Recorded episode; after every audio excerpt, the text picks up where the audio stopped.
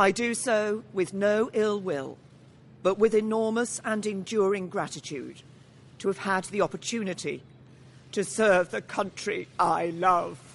Coño, que, que pasou con Teresa aí, Duarte? Marchou, dimitiu, non mo podo creer. Despois de tanto tempo aí aguantando co, co puntiña dos dedos estaba, xa non está. Estaba chorando. Chorou, chorou e todo, sí, sí, sí. A ti country love. A mí ningún, sentindo moito. Ningún, eh. A ti? sí, eh, non pode evitar sentir certa non sei, é dicir, é un ser humano, intentou uno, a pesar de que non cría no Brexit, estivo aí contra vento e marea, contra vento e marea, catro veces e nada, e non sei. Mira, isto é política, eh? Si gañas ben, senón para casa. A min non me dá, non me dá pena. A nivel humano, pois, se si tives un cancro, ou si, si morres alguén, entón sí, pero isto, pois eso, saiulle mal, síntese moito, ala, para casa, pero pena non me dá. Ninguna. Non sei. Cero. Ti crees que seguiu chorando o domingo despois de ver o resultado das eleccións europeas ou non? Pois seguramente, porque peores resultados non se podían sacar, eh? Peores resultados conservadores desde 1832, eh, sí, non? 32. Pois, elevan o seu selo, claro. Pois sí, sí, totalmente. E disto é do que imos falar hoxe, precisamente. Dese, desas eleccións europeas, e dos resultados que mm, tan terribles para Tories e para conservadores e tamén imos falar da dimisión de Theresa May e do que supón iso para para o Partido Conservador e para a nova dirección do Partido Conservador. Dentro intro. think about Brexit. What, what's that? Like, Order! The nose to the left, 432. with the light, with the music. Very welcome everybody here. A Brexit question in English, if you don't mind. Bueno, no, hombre, no vamos a hacer. Venga, adelante.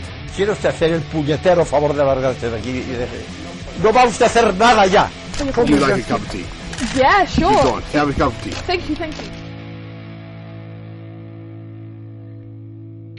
Ben, pois o pasado xoves celebráronse eleccións europeas no Reino Unido. Sí, foi un xoves, porque neste país votase no xoves e non en domingos, son especiais ata para iso. E pois foron unhas eleccións que trouxeron bastantes cambios. Eh, o primeiro de todo e a cuestión máis, bueno, eh, curiosa é que estas eleccións non deberían ter eh, ocorrido. Eh, o Brexit debería ter acontecido a finais de marzo, finalmente pospúxose a data límite ata finais de outubro e, por tanto, os eurodiputados elixidos desde o Reino Unido van ocupar os seus escanos simplemente, bueno, pois, por cuestións de de semanas. A principal novidade destas eleccións, como non podía ser de outro xeito, foi que o Brexit foi o tema principal, unhas eleccións eh, moi polarizadas, nas que a participación, sen embargo, foi do 37%, só un punto e medio eh, por riba do que acontecera hai, hai cinco anos, pero na que a discusión sobre como abandonar a Unión Europea ou como desfacerse do Brexit a, foi, foi central. Os resultados foron moi claros. O Brexit Party, un partido fundado hai cuestión de mes e medio e que abogaba claramente por sair da Unión Europea sen ningún tipo de acordo, foi a forza máis votada, sacou un máis dun 31% dos votos e 29 eurodiputados. Este partido está liderado por Nigel Farage, que xa hai cinco anos, cando era líder de UKIP, eh, tamén fora a lista máis votada, pero nesta ocasión incluso melloraron os resultados. A segunda forza, a pesar do que moitas enquisas apuntaban, foron os liberaldemócratas, que, bueno, é unha formación que nas última, nos últimos anos estaba en capa caída e desta volta sacou un 20%, un 20% dos votos, superando incluso o Partido Laborista, que foi terceira forza, pero perdeu a metade dos, dos eurodiputados. Os Partido dos Verdes foi a cuarta forza, subindo e mellorando os resultados con respecto a hai cinco anos e a gran novidade foi pois, o batacazo que se pegou o Partido Conservador que andivo ao redor do 9% dos votos cando hai cinco anos fora a terceira forza e cunha porcentaxe de voto bastante bastante máis alta. Eu creo que estes resultados claramente son o castigo ou o fracaso das posicións intermedias, das posicións que buscaban algunha saída consensuada a todo este debate do Brexit. Pois eran os conservadores que intentaron aprobar este acordo de May que levou tantas veces ao Parlamento, e eran os laboristas que estaban buscando algún xeito de quedar ligados á Unión Europea, se sexa a través dunha unión arancelaria ou a través da pertenza ao mercado común.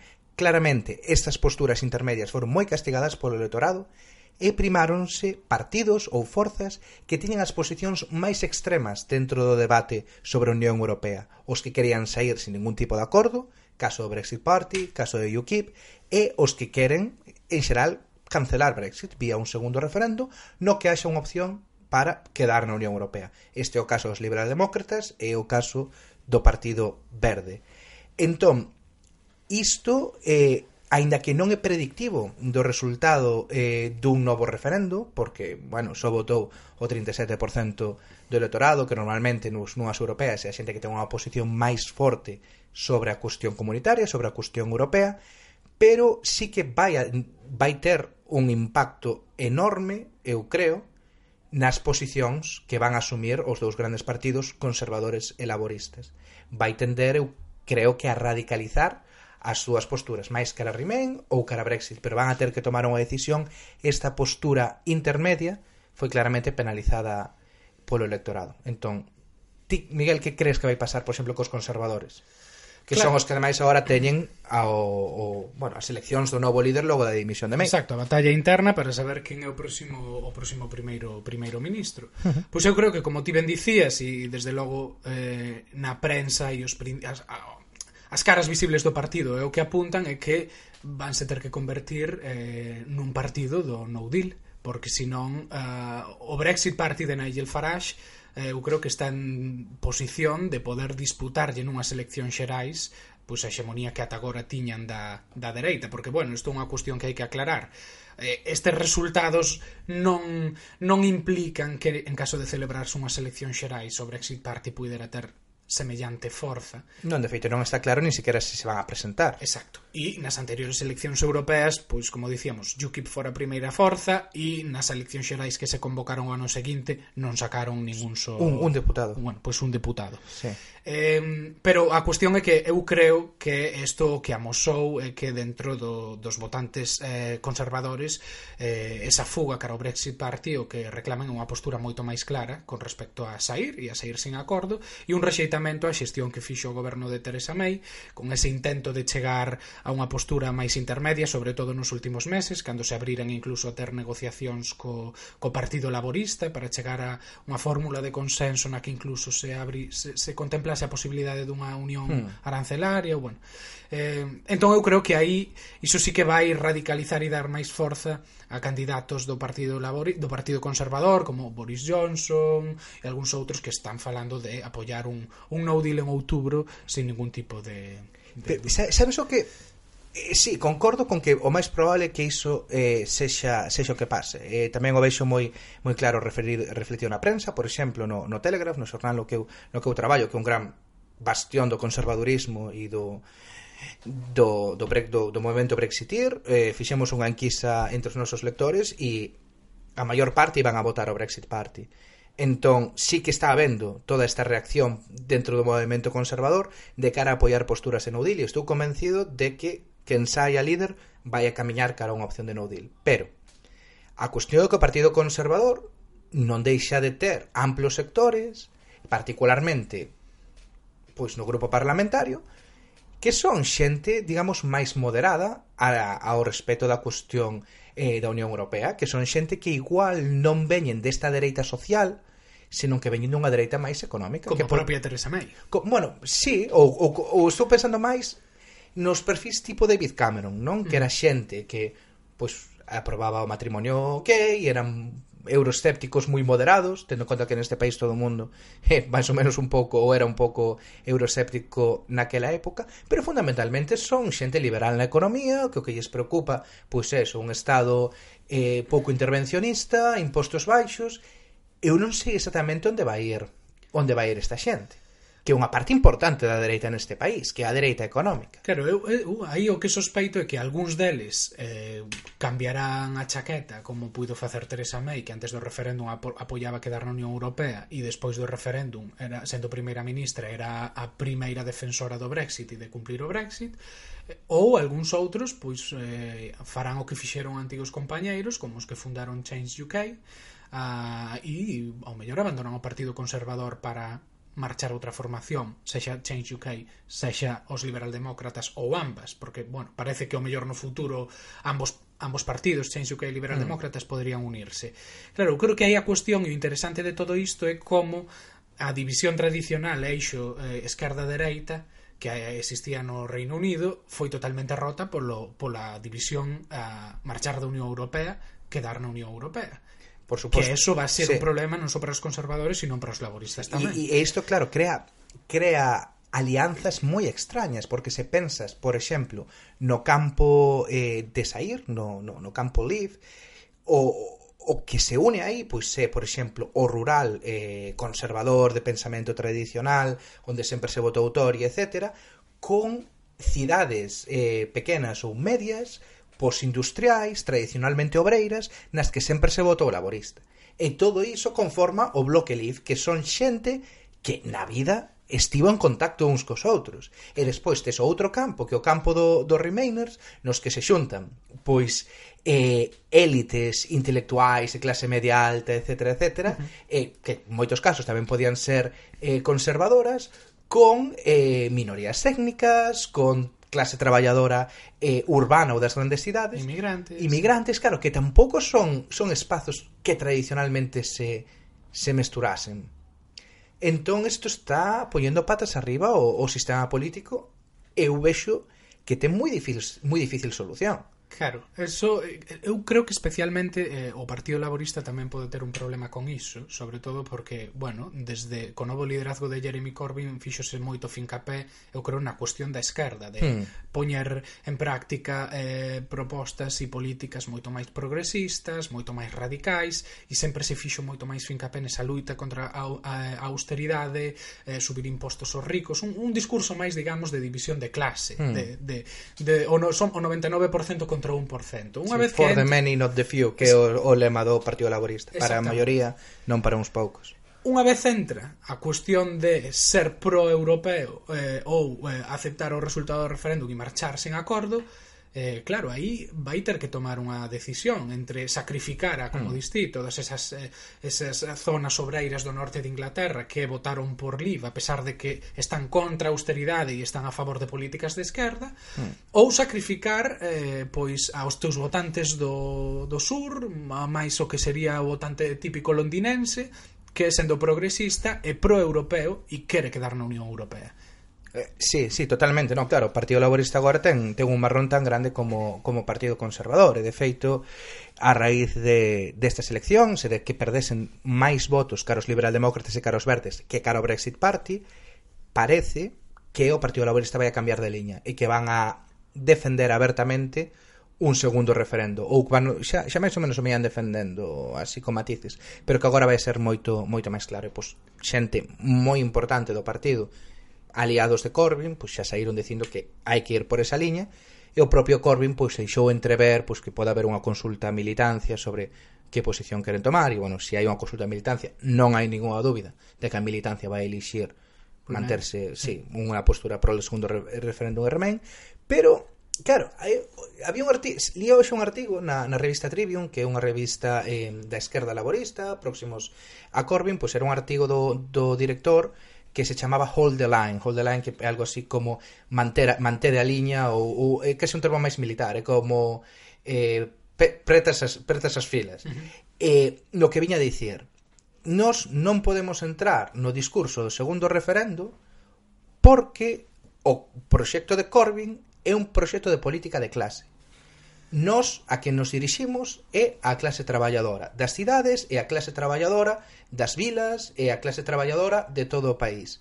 Polo tanto, non podemos meternos no que é unha guerra cultural, que esencialmente é o que é o debate do Brexit, é a túa posición sobre a migración, a túa posición sobre o aberto ou pechado que queres que sexa o teu país, sino que nós nos temos que centrar na política de, de clase.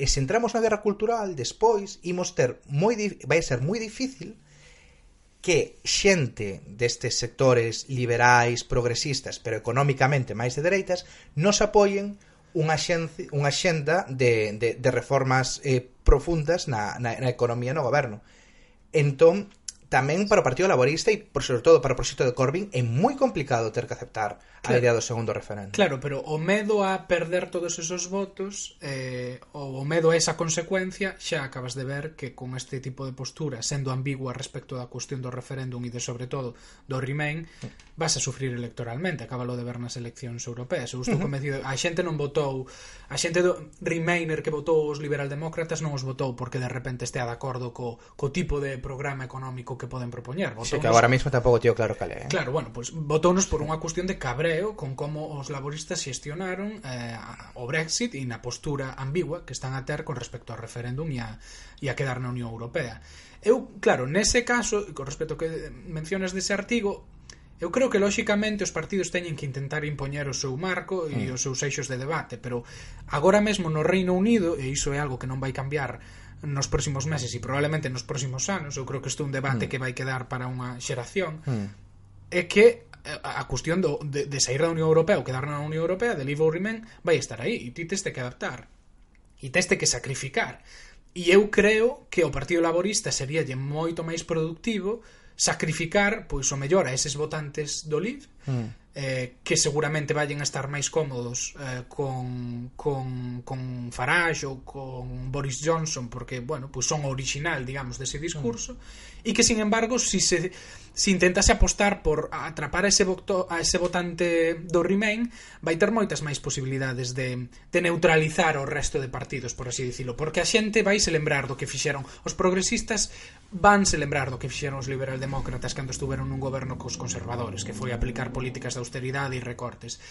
Entón eu creo que aí tería moito máis marxe para, para gañar o, o Partido Laborista. Pode ser, pero hai o risco que, que tamén teñe que, vale, todas estas circunscripcións eh, do norte das zonas posindustriais levan votando laborista eh, 100 anos e son o que mantiveron durante eh, xeracións o, a base do Partido Laborista. Entón, ata que punto é prudente para un partido sacrificar de tal xeito o que é a súa base tradicional? Bueno, o mellor nalgúns casos incluso non, non o sacrifican. Eu estou convencido de que, sobre todo se si nos conservadores non se elixe un candidato alternativo claramente eh, brexitir, como pode ser Boris Johnson, habría moitas constituencies onde o Brexit Party, se se presenta a unhas eleccións, podería rascarlle moito voto o Partido Conservador. E nese uh -huh. escenario, se si entre Brexit Party e conservadores se neutralizan, o, os laboristas aínda perdendo voto, eu penso que o mellor en moitos sitios poderían, polo sistema electoral británico, manter o, o MP, o, o, o parlamentario, nesa constituency, porque o sistema é mayoritario, é dicir, quen leva o parlamentario pola constituency é un partido máis votado. Uh -huh. Entón eu creo que, lóxicamente, é moi complicado, e lóxicamente vai haber que facer sacrificios Pero eu creo que o máis honesto, e sobre todo porque as bases do Partido eh, Laborista o que piden é ter unha postura máis clara sobre o Remain, se é que eso se somete a votación, mm. sería eh, arriscarse e tirar por esa liña. Eu tampouco teño claro que Corbyn sexa unha persoa capaz de facer eso, no sentido de que o gran o gran eh, éxito ou a gran ou a gran calidade de Corbyn é que sempre foi un tipo bastante honesto. E cando ten que defender algunha postura na que non creo 100%, notas un montón sí, entón igual non é a persoa ideal pois para, para lanzarse nun discurso deste tipo, pero desde logo é a persoa ou demostrou ser a persoa que foi capaz de, de dar un discurso económico moito máis radical, pero é moi difícil encaixar eh, estas dúas cousas. En calquera caso, a mí o que me preocupa tamén é como se chegou a esta situación de, de que as posturas se radicalizasen tanto en tan pouco tempo. Eu lembro cando foi o, o referendo pois, de sair da Unión Europea, con todo o tóxico que foi ese referendo, que mesmo xente do campo de pro-Brexit falaban da posibilidade dun modelo noruego. Entón, se xusto despois do resultado dese referendo se empezase a traballar nalgún tipo de opción de consenso que pudese crear apoio en distintas ramos do Parlamento, pois poderíase chegar a algo así, pero claro, foi tan desastrosa a xestión de Theresa May ao longo destes casi dous anos e dous anos e medio, tres anos casi, sí, tres anos, tres anos agora en xuño, que ao final as posturas pois volveron aos extremos. E saia que saia saia Remain ou ao final o xo Reino Unido queda, sain, queda na Unión Europea ou se o Reino Unido sae sin acordo a metade do país vai a estar furioso coa outra metade. Sí. e iso é moi tóxico para, para un país sobre todo cando esa división en base a unha cuestión cultural non é unha cuestión pois de clase ou da mm, de como vas a xestionar a economía. É unha división en base pois o que unha cuestión cultural fundamentalmente, unha guerra cultural salvaxe. Sí, eu eso, bueno, e isto mencionarámolo, mencionáralo tú en algún podcast anterior eh, a cuestión de ata que punto o feito de que se convoque un segundo referéndum eu son mm. partidario de que sí. se convoque pero entendo tamén os riscos que iso traería a hora de eh, debilitar a democracia Hostias, no Reino sí. Unido porque sí, sí, habría sí. moita xente sobre todo hai que lembrar que no referéndum polo Brexit votou moita xente que non iba a votar a unhas eleccións xerais entón, mm. e, e, e foron a votar para votar sair da Unión Europea uh -huh. entón, se si agora ven que ese voto que eles eh, eh, puxeron na urna gañando non se cumple, pois é unha forma de, de bueno, debilitar a democracia, porque a xente deixaría de creer de creer na democracia como un mecanismo para solucionar os, os problemas. E pode ser peor, eu creo que o peor escenario sería eh, ou varía depende de cal sexa a pregunta que ti poñas nese, nese segundo referendo. Porque o que estas eleccións europeas demostraron é que a unha parte moi, moi, moi, moi, moi, moi grande dos que votaron Brexit no referéndum, o tipo de Brexit que queren é un, un, unha saída da Unión Europea sen acordo que a opción máis dura que pode haber, que é o que, o que propón o Brexit Party, que é o que propón UKIP, e que é o que propón unha parte significativa do Partido Conservador. Desde logo, se hai unha enquisa outro día, o 75% dos militantes conservadores están a prol de sair sen acordo. Entón, eh, se si ti tes esta, este sector tan extremo que, que, que quere sair sen acordo, se ti un referendo As opcións que lle dá son un acordo parecido ou o mesmo que o que propuxo Theresa May, que é unha opción intermedia, e quedar na Unión Europea, toda esa xente vai boicotear ese referendo porque van a considerar un insulto. Con razón. E con razón, porque a súa postura, como Brexiteers, claro. é sair sen acordo. É que eu entendo que non se pode poñer como unha opción o acordo de Teresa May ou algo similar cando non hai siquera eh, un partido eh, no... cando o Parlamento nin siquera o apoia. Pero máis alá de que o Parlamento non o apoie, non haberá eh, a part... agora que me dimitiu un só partido no Parlamento que o respalde, porque hmm. os conservadores non o apoyaron, os, con... o, o, os laboristas tampouco, os verdes, eh, os liberaldemócratas o, e os escoceses tampouco. Entón non tería sentido que aparecera na papeleta. Sí, sin embargo, moitas veces cando se fala disto do People's Vote, do voto popular, falase dun voto sobre o acordo.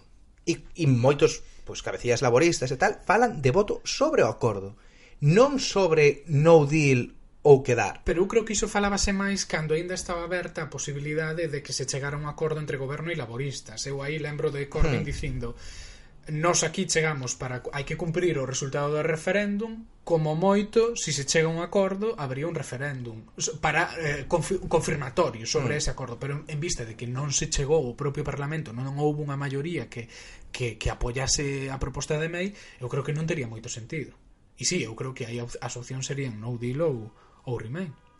Pero bueno, en calquera caso, e tamén hai que lembrar que non hai maioría no Parlamento para un segundo referéndum, que xa houbo votacións no Parlamento e non saiu. É dicir, hai moita oposición a un segundo referéndum. E hai moita oposición nos dous, nos dous lados.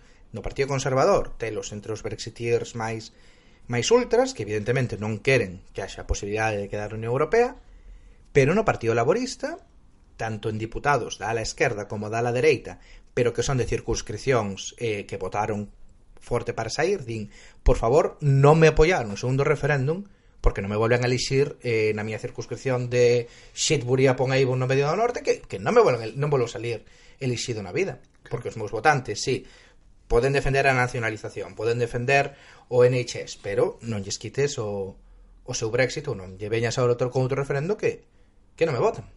Claro, la vida es dura, como diría Artur Mas. Hmm. Pero claro, sobre o que comentabas de que non hai unha, unha maioría para, para convocar un referendo. Hai que lembrar que en caso de que isto quede bloqueado e aquí non se mova nada, nin haxa un novo referéndum, nin se chega un novo acordo, nin nada polo estilo, o 31 de outubro este país vai ser da Unión Europea. Non hai posibilidade uh -huh. de de pospoñer isto a non ser que o Parlamento de forma maioritaria, que a maioría do Parlamento decida anular a, a activación do artigo 50 que foi quen, quen desencadenou todo este proceso. Entón, claro, agora cando escoitamos, por exemplo, algúns dos candidatos para ser o novo primeiro ministro dicindo que van a intentar renegociar o acordo coa Unión Europea na parte do, do backstop en Irlanda do Norte, Eh, eso non é posible, de feito hoxe eh, Jean-Claude Juncker xa dixo que non iba a ser posible facer ningún tipo de, de renegociación e que se se chegaba a outubro sin, sin acordo aprobado no Parlamento se saía uh -huh. Sí, sí, totalmente e, bueno, o que podría pasar eh, non descartemos iso é que haxa outra extensión, eh? podes chegar cara ao 31 e solicitar outra, unha extensión a maiores. Claro, pero Outros que a Unión, meses. a Unión Europea xa dixo que non iba a aceptar iso. Bueno, xa, Poderían a, cambiar. A Unión Europea xa sabemos que, que eh, pode ser moi flexible tamén con iso. Eh, claro, porque entre outras cousas, despois de ter eleccións europeas, non hai non con que goberno. negociar. É dicir, hai un goberno europeo en funcións pero non hai non hai, por así dicilo, o executivo que mai tomar as rendas despois diso e de feito hai, parece que hai lío entre Merkel e Macron sobre quen ten que ser o próximo presidente da, da comisión Sí, porque ademais o Parlamento, neste caso, o Parlamento que saiu despois das eleccións, pois eh, está moito máis, pois sí, sí, máis, dividido, máis dividido, máis variado. No, a palabra dividido para o Parlamento non me gusta demasiado, pero sí que máis representativo, ofrece Exacto. un maior rango de eh, de opcións que se van ter que poñer eh, de acordo. Entón, pois, a ver cando, cando forman goberno. Pero en calquera caso, agora o, o seguinte paso para dentro do Reino Unido vai a ser a elección dun novo, dun novo líder conservador e dun novo primeiro ministro. Uh -huh. E xa empeza a haber eh, bastantes candidatos, feito hai unha recua deles, eh, con que, pero moitos deles son bastantes duros eh, co tema co tema de, de Brexit. Pero a ver, antes de nada, antes de meternos no a falar un poquinho de cada candidato. Como, como lerías elixen os conservadores o seu líder? Porque isto é bastante importante e vai afectar moito a quen poida chegar ao poder ou non. Mais ou menos, a historia é a xente anuncia que ten a súa intención de convertirse en candidato. Xente que teñen que ser membros Que teñen que ser todos deputados, efectivamente. Claro. E despois, o propio grupo parlamentar comeza unha, unha serie de votacións entre todos os candidatos posibles. E esas votacións son eliminatorias. Entón, pois, se hai 10 candidatos, pótense os primeiros, elimínase un, despois votanse os nove seguintes, elimínase o último. Así sucesivamente, ata que só quedan eh, dous candidatos. Eses dous candidatos despois teñen que pasar a teñen que pasar a un voto en primarias en primarias entre a militancia entre a militancia conservadora e aí elíxese eh, quen, quen vai a ser Claro, isto é un, é dicir, a, toda a primeira fase é algo que pasa de espaldas ao gran público. É un debate que pasa pois, no, no grupo parlamentario, que sucede nos grupos de WhatsApp dos deputados, nos, eh, nos bares, nas nos cafeterías, pubs. nos pubs, e no, no Parlamento hai pubs nos que pois, van a beber os deputados, eh, cada deputado ten o seu pub, ou as súas zonas dos pubs, pois aí onde van a pasar todos estes, todos estes debates. E claro, hai, de, hai candidatos, pois por exemplo Boris Johnson, quizás o máis o máis coñecido, o exalcalde de Londres, que posiblemente se chegan ao momento da, da votación entre militancia, ganen porque son moi populares, pero tamén teñen moita oposición no grupo parlamentario. E pode ser que se, que se intente bloquear esa posibilidade de chegar á última fase en base a votar tácticamente en contra del nas primeiras. Entón, claro, agora vai haber todo un... Bueno, pois pues unha historia de, de apuñalamentos e claro. de e de crestiños internos hasta que se chegue a esta, a esta situación. Que a, a mí, esta resolución. personalmente, o procedimento pareceme bastante injusto, porque realmente estás deixando ao futuro primeiro ministro en mans da militancia do Partido Conservador que falando un pouco claramente son uns locos, quero dicir, na, na cuestión na cuestión do Brexit son xente sí. que eu creo que teñen un perfil moito máis radical que o votante medio conservador. É dicir, os militantes teñen unha posición moito máis extrema e realmente pois estás deixando as mans do, do futuro goberno en mans dunha militancia moi, bueno, pois eso, moi moi radicalizada. E unha militancia máis moi maior, eh, a maior parte dos militantes eh, perdón, conservadores son maiores de 65 anos e tamén moi vida menos. Agora mesmo o Partido Conservador creo que anda en 100, 150.000 eh, afiliados, pois comparado, por exemplo, co Partido Laborista que ten sobre medio millón. Non sei se leras ti hai un par de meses unha historia de que o Partido Conservador xa estaba recibindo máis donacións mm. dos mortos por vía de herdanzas sí. que deixaban os mortos que dos militantes vivos. Sí, sí, sí, sí, sí. Bueno, pues é un pouco un exemplo de, da saúde, nunca mellor dito, da militancia do Partido Conservador. Sí. Bueno, eh, pois pues agora vamos... Quen se presenta? de momento. Quen, quen declarou? Non vamos a dicilos todos, porque de verdad que hai unha recua deles. Sí, e algúns incluso nin nos os coñecemos nin nos, sí. ou non sonan tal. Pois a ver, o, o máis eh, coñecido polo momento Boris Johnson, como ti dicías, o exalcalde de Londres, que de feito saliu hoxe na prensa que eh, a campaña eh, promovendo un pouco que chegase a esa segunda fase eh, foi lanzada polo autor dun polémico blog conservador que basicamente se dedica a contar os cuchicheos da alta política británica e a soltar fake news. O blog chamase mm. Guido Fox. Bueno, son os tarados, o sea, me, mete medo ese, ese blog. Claro, entón, bueno, pois non é eh, un un moi bo comezo para, bueno, eh, respaldar a Boris Johnson se si eres un conservador eh, relativamente moderado ou pro Unión mm. Europea. O perfil de Boris Johnson parece moi interesante, porque cando eu cheguei, cando eu cheguei a Londres, Boris Johnson era o alcalde daquela e tiña este aire de, de conservador progre, entre comillas, non? Era alcalde de Londres, que é unha cidade tradicionalmente de esquerda, Tamén porque ser racista en Londres é complicado claro, se queres que te voten. Claro, joder, pero eh, Boris Johnson era pro inmigración, era eh, pois pues eso, un conservador máis da, da liña económica, sí, mercado libre e tal, pero tamén era, pois, pues, entre comillas, ecoloxista, iba a todas partes en bici, era outro perfil, e tiña moito apoio, digamos, en sectores progresistas eh, de, de, pois, pues, urbanos. Sí. E agora, claro, todo iso dilapidou uno, todo ese apil que tiñan estes sectores dilapidou uno co súa postura eh, sobre o Brexit, claro. Claro, como curiosidade, para facernos unha idea da personaxe da que falamos, Boris Johnson foi un señor que antes do referéndum sacou na unha prensa dous artigos. Non, non, non os chegar a sacar. Escribiu dous artigos. Bueno, escribiu dous artigos, un defendendo quedar a Unión Europea, sí. outro defendendo marchar da Unión Europea. El dicía que porque era unha forma de, de clarificar ideas, ideas non? Finalmente publicou o de sair da Unión Europea. Ah, uh, pero sí, bueno, é, é, é unha personaxe. Sí. Eh, o seguinte que, mm, que, que declarou é Dominic Raab, uh -huh. que igual algún de vos pos, pode sonar se seguides moito a actualidade británica porque foi o secretario ou ministro de Brexit moi brevemente, durante uns meses. Despois de David Davis. Sí.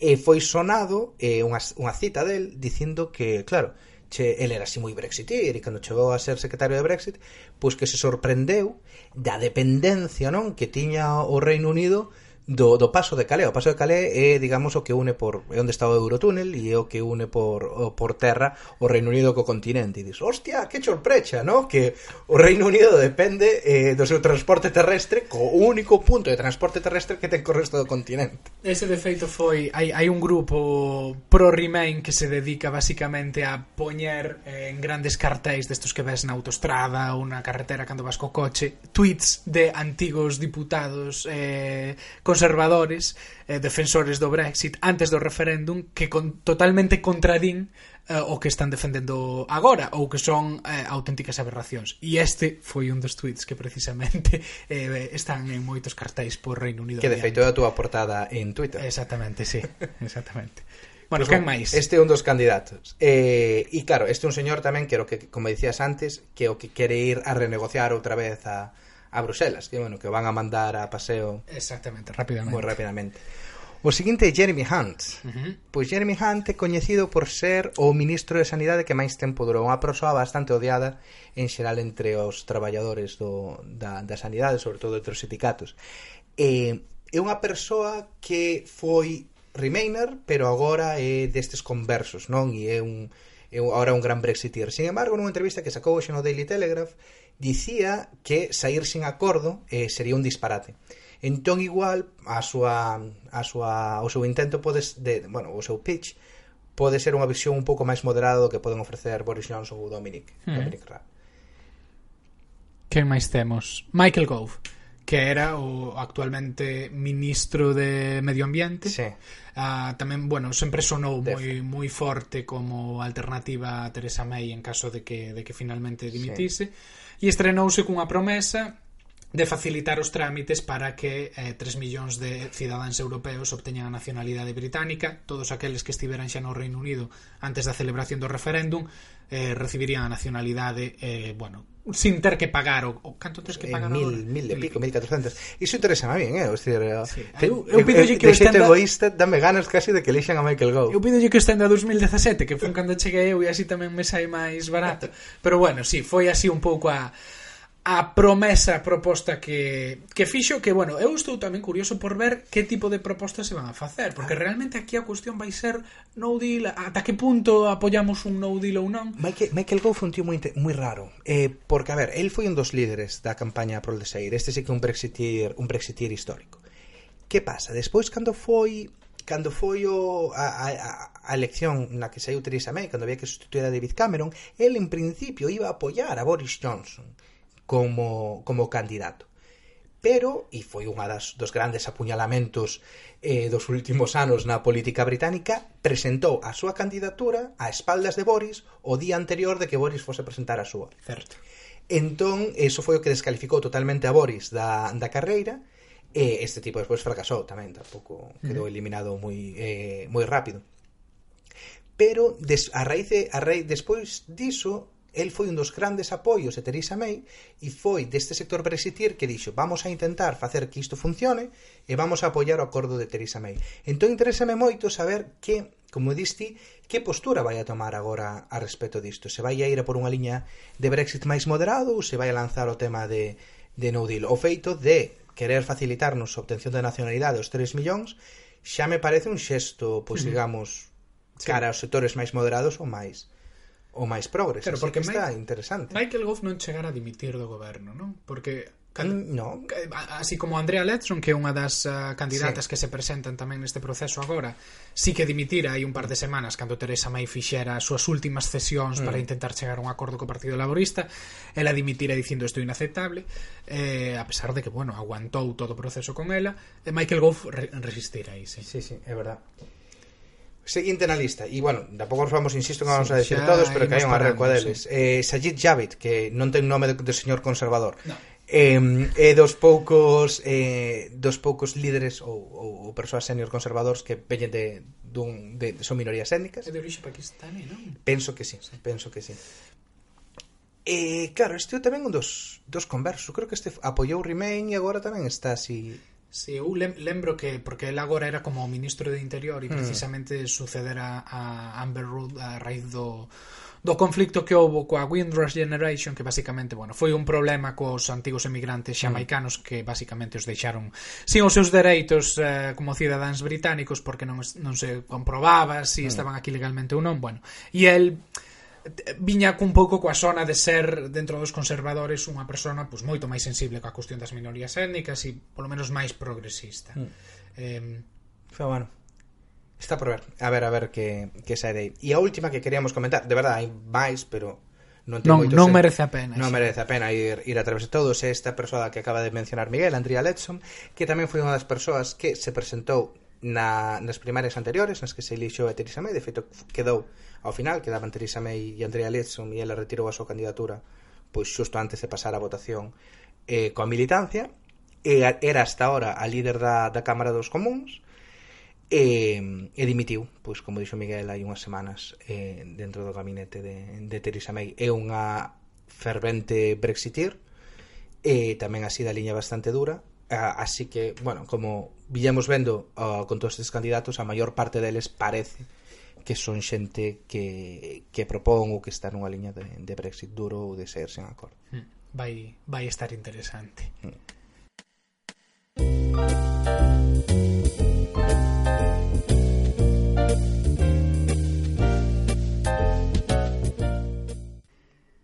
Ben, pois ata aquí o noso Te con Gotas desta semana. Desta volta non temos entrevista. Quixemos facer este programa especial centrados un pouco na última hora das eleccións e analizando no, o, o impacto que isto podería ter na carreira por suceder a Teresa May. Como vedes, a cousa vai estar interesante nos próximos días, así que, como sempre, xa sabedes que nos podedes seguir en redes sociais, en Facebook e en Twitter, e dentro de dúas semanas, pois volveremos ao noso formato habitual con, con entrevista.